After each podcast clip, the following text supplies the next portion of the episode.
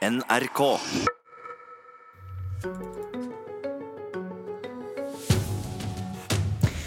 Det er fredag, det betyr at vi har samlet eh, Fredagspanelet. Velkommen til Egon Holstad, kommentator i avisa i Tromsø. God morgen. Guri Itzø Viken, skribent og forfatter. Takk.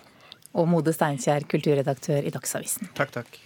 Vi starter panelet eh, med en sak som har fått mye oppmerksomhet denne uken. Nemlig en ny metode for å plassere bøker i bokhylla bak fram. Den siste tiden så har folk over hele verden begynt å sette bøkene feil vei i fullt eh, alvor. og Nå har også møbelgiganten Ikea tatt eh, grepet i bruk i sine varehus. En av de mange som er opprørt, det er forfatter Anne B. Ragde. Da må man selvfølgelig se hvor boka er hen. Man kan ikke begynne å lete liksom blant har 5000 bøker. Jeg skal begynne å lete liksom ja, skal vi se nå det? Jeg er på jakt etter Sigrid Lenz. Ja, mon tro hvor den er. Det er jo helt, helt, helt på jordet, spør du meg. Og det mente Anne B. Ragde, en interiørstylist vi snakket med tidligere i uken, sier at bøker rett og slett er blitt et dekorelement. Og spørsmålet til panelet er kan bøker brukes til mer enn å leses? Ja. Ja. Ja, selvsagt. Ja, alle var enige. Vi starter med deg, Guri. Ja, jeg tenker jo at eh, jeg ville jo aldri satt bøkene mine sånn. Men eh, om andre folk eh, har lyst til å bruke bøker til dekor, så fører det vel bare til større boksalg, og det er jo bare positivt. Egon, har du hevet deg på, på denne trenden? Eh, nei, jeg er, jo, jeg er jo glad i å finne frem i de, i de bøkene jeg har. Uh, men jeg tenker, kan bruk, bøker brukes mer enn å lese? Så tenker jeg i hvert fall ja. altså Gamle bøker, nye bøker, tynne og tjukke og gode og dårlige, de kan brukes til veldig mye. Man kan bl.a. lage journalistikk om innholdet i dem. Um, at en eller annen sånn interiørstylist fjott har sagt at det er trendy å snu bøkene feil vei i bokhylla, det burde vel utelukkende hånflires av i stedet for å at det norske folk eller norsk media skal tro at eiendomsmeglere representerer den allmenne kulturoppfatninga. Det er ganske trist. Men hvis det er en trend, så betyr det vel at det er mange som gjør det? Ja, men jeg, er det her en trend? Altså, jeg, jeg husker også jeg leste eh, i høst en gang at det var en trend. Se opp for den nye trenden. Og det var da at eh, folk hadde narkotika i godteposene til ungene på halloween.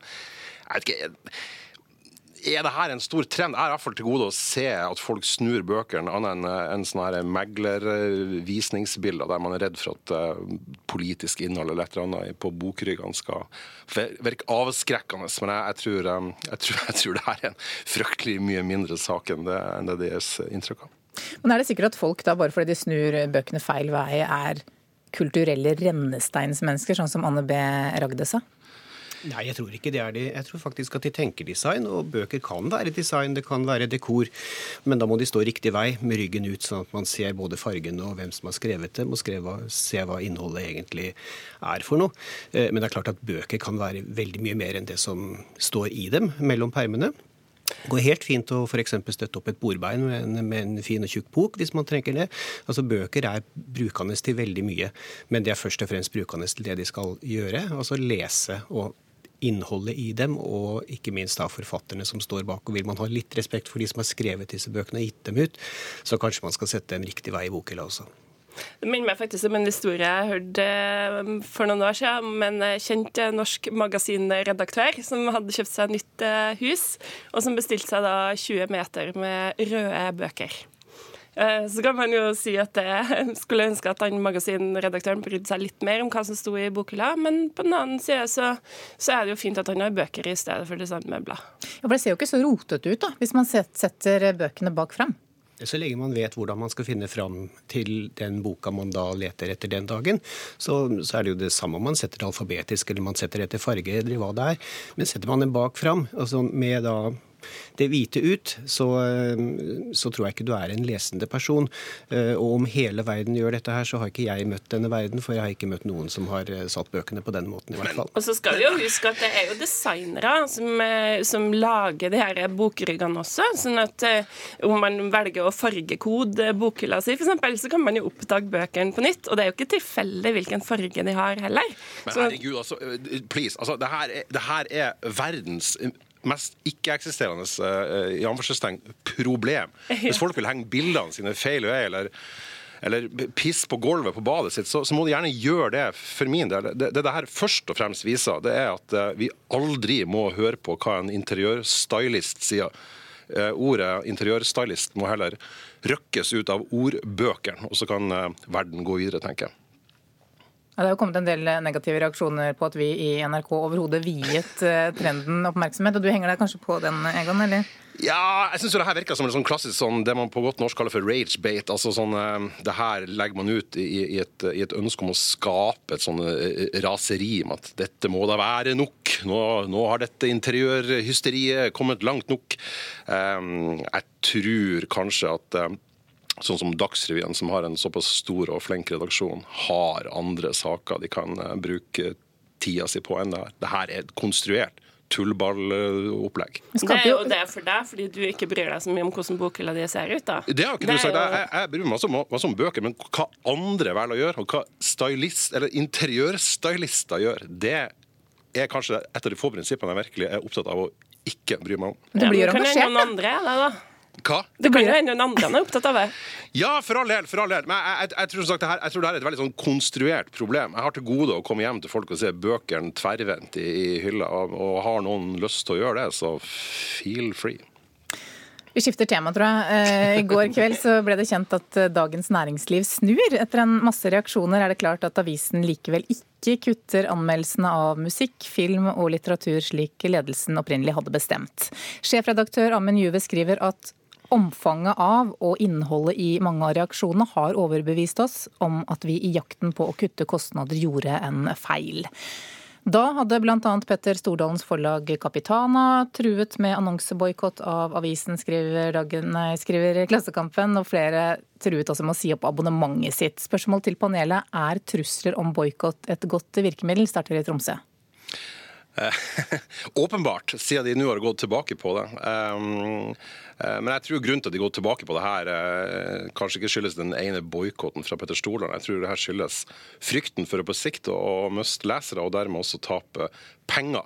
Jeg tror det er pengene som er årsaken til det første feilvalget. Jeg tror også pengene er grunnen til at de har gått tilbake på det.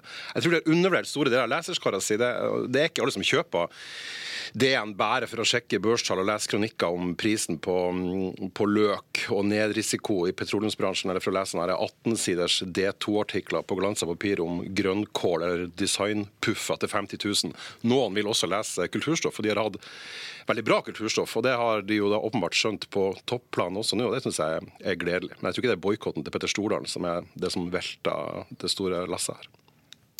Altså jeg håper eh, at ikke Petter Stordalen har noe med dette å gjøre. Men, men først så, så eh, altså, All ære til Amund Juve og DN for at de snudde denne saken og viste en, en form for klokskap på eh, anmelderiets og kulturkritikkens vegne. Men Petter Stordalen i denne sammenhengen er da en utgiver av det frie ord, og hvis han har da brukt den posisjonen sin til å true med å boikotte en, en, avis som også da står for det frie ord, eh, så har det blitt helt feil. Jeg tror heller det er eh, en massiv eh, proteststorm mot, fra lesere. Og Det gjelder også da finansfolk som leser DN, og som bruker DN til å orientere seg i kulturlivet og, og kunstlivet. som rett og slett var redd for at de mista en av de viktige bærestolpene i en avis, som, som er deres. og Det tror jeg ikke avisledelsen og styret der skjønte. Ja, men Guri, Tror du at det kom som en overraskelse at reaksjonene var så sterke? Det vet ikke jeg. Det kan godt hende at uh, Dagens Næringsliv har, um, har eh, mistolka sine lesere. Men det kan også hende at de sitter på tall som uh, sier noe annet. da. Så, men uh, jeg syns boikott det, det var et veldig dårlig virkemiddel her. Man kan si hva man vil om de aktørene som, som gjorde det, men, men det er én som skal bestemme den redaksjonelle linja i avisa, og det er ikke markedsaktører. Det er redaktører. Og det er et prinsipp som vi ikke må gå bort ifra. Og det jeg blir ordentlig redd når sånne ting skjer, sjøl om det bare er kulturaktører i det tilfellet her, som sikkert er veldig velmenende. Men det var jo heller ikke hvem som helst. Det var Petter Stordalen, som er en av våre mektigste folk i den kommersielle verden i, eh, i kultursektoren.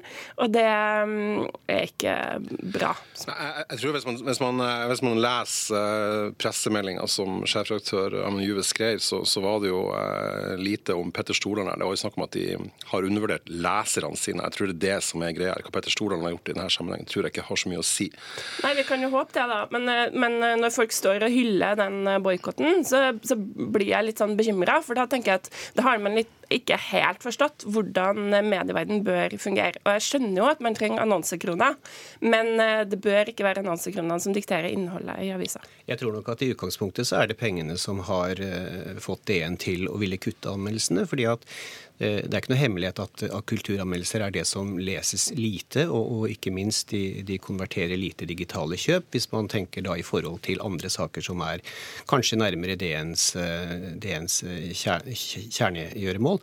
Um, men samtidig så, så, ser vi her hvor viktig de små elementene i en avis er, som da kritikken her. Og, og hvis man mister det, så mister man også helheten i hva en avis som DN eller VG eller Dagsavisen eller Aftenposten skal være. Okay. Det er flott. Vi må plukke opp det. Små elementer som fører til den store helheten. Vi skal snakke om eh, språk. Bør du si trusebluse og plukksvin heller enn body og pulled pork?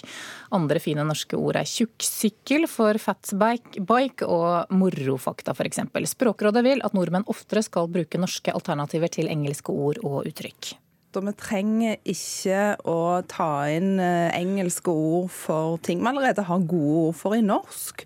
Og så kan det være at eh, de engelske ordene ikke passer så godt enten til norske uttale eller til norske skrivemåter, eller at de har et innhold som, som blir uklart for oss. Og da er det lurt og fornuftig å finne en god avløser. Ja, Det mener Språkrådet. Spørsmål til panelet. Er vi blitt uoppfinnsomme språklige slappfisker som altfor lett tyr til eh, engelsk mode? Nei. Nei. Egon? Nei.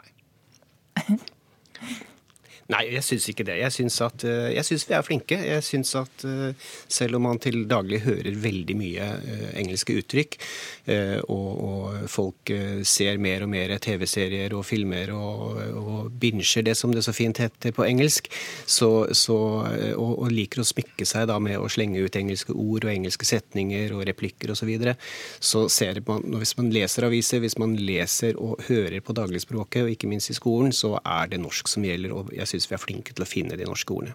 Men det er jo en del ting som er innarbeidet, da. F.eks. body, som ble brukt som eksempel her. Jeg elsker ordet trusebluse. Det har jeg lyst til å begynne å bruke umiddelbart. Og plukksvin også syns jeg er kjempefint. Og det som er fint, det er jo at vi har Språkrådet som klarer å lage gode alternativ. For det er klart at det er ingen som kommer til å bruke alternativene hvis de ikke er gode nok. Og um, jeg tenker på sønnen min som er 11, da. Hva, hva, er det han sier? Han har jo noen engelske ord, men han har også noen norske ord som jeg kanskje syns var rar når de ble innført, men som er helt naturlig for han. Og det tror jeg er mye takket være Språkrådet, at de gjør den gode jobben som de gjør. For det er klart, folk flest er ikke i stand til å bare plutselig finne på et norsk ord i stedet for et engelsk. Men Egon, er de litt seint ute noen ganger? Ja, jeg tror altså når, når noen ord eh, kommer, så, altså, nei, særlig, da, særlig, da, engelske ord kommer inn i det norske språk, så kommer det jo inn ofte for at det er eh, fenomener eller produkter som vi, som vi ikke har fra før, som f.eks.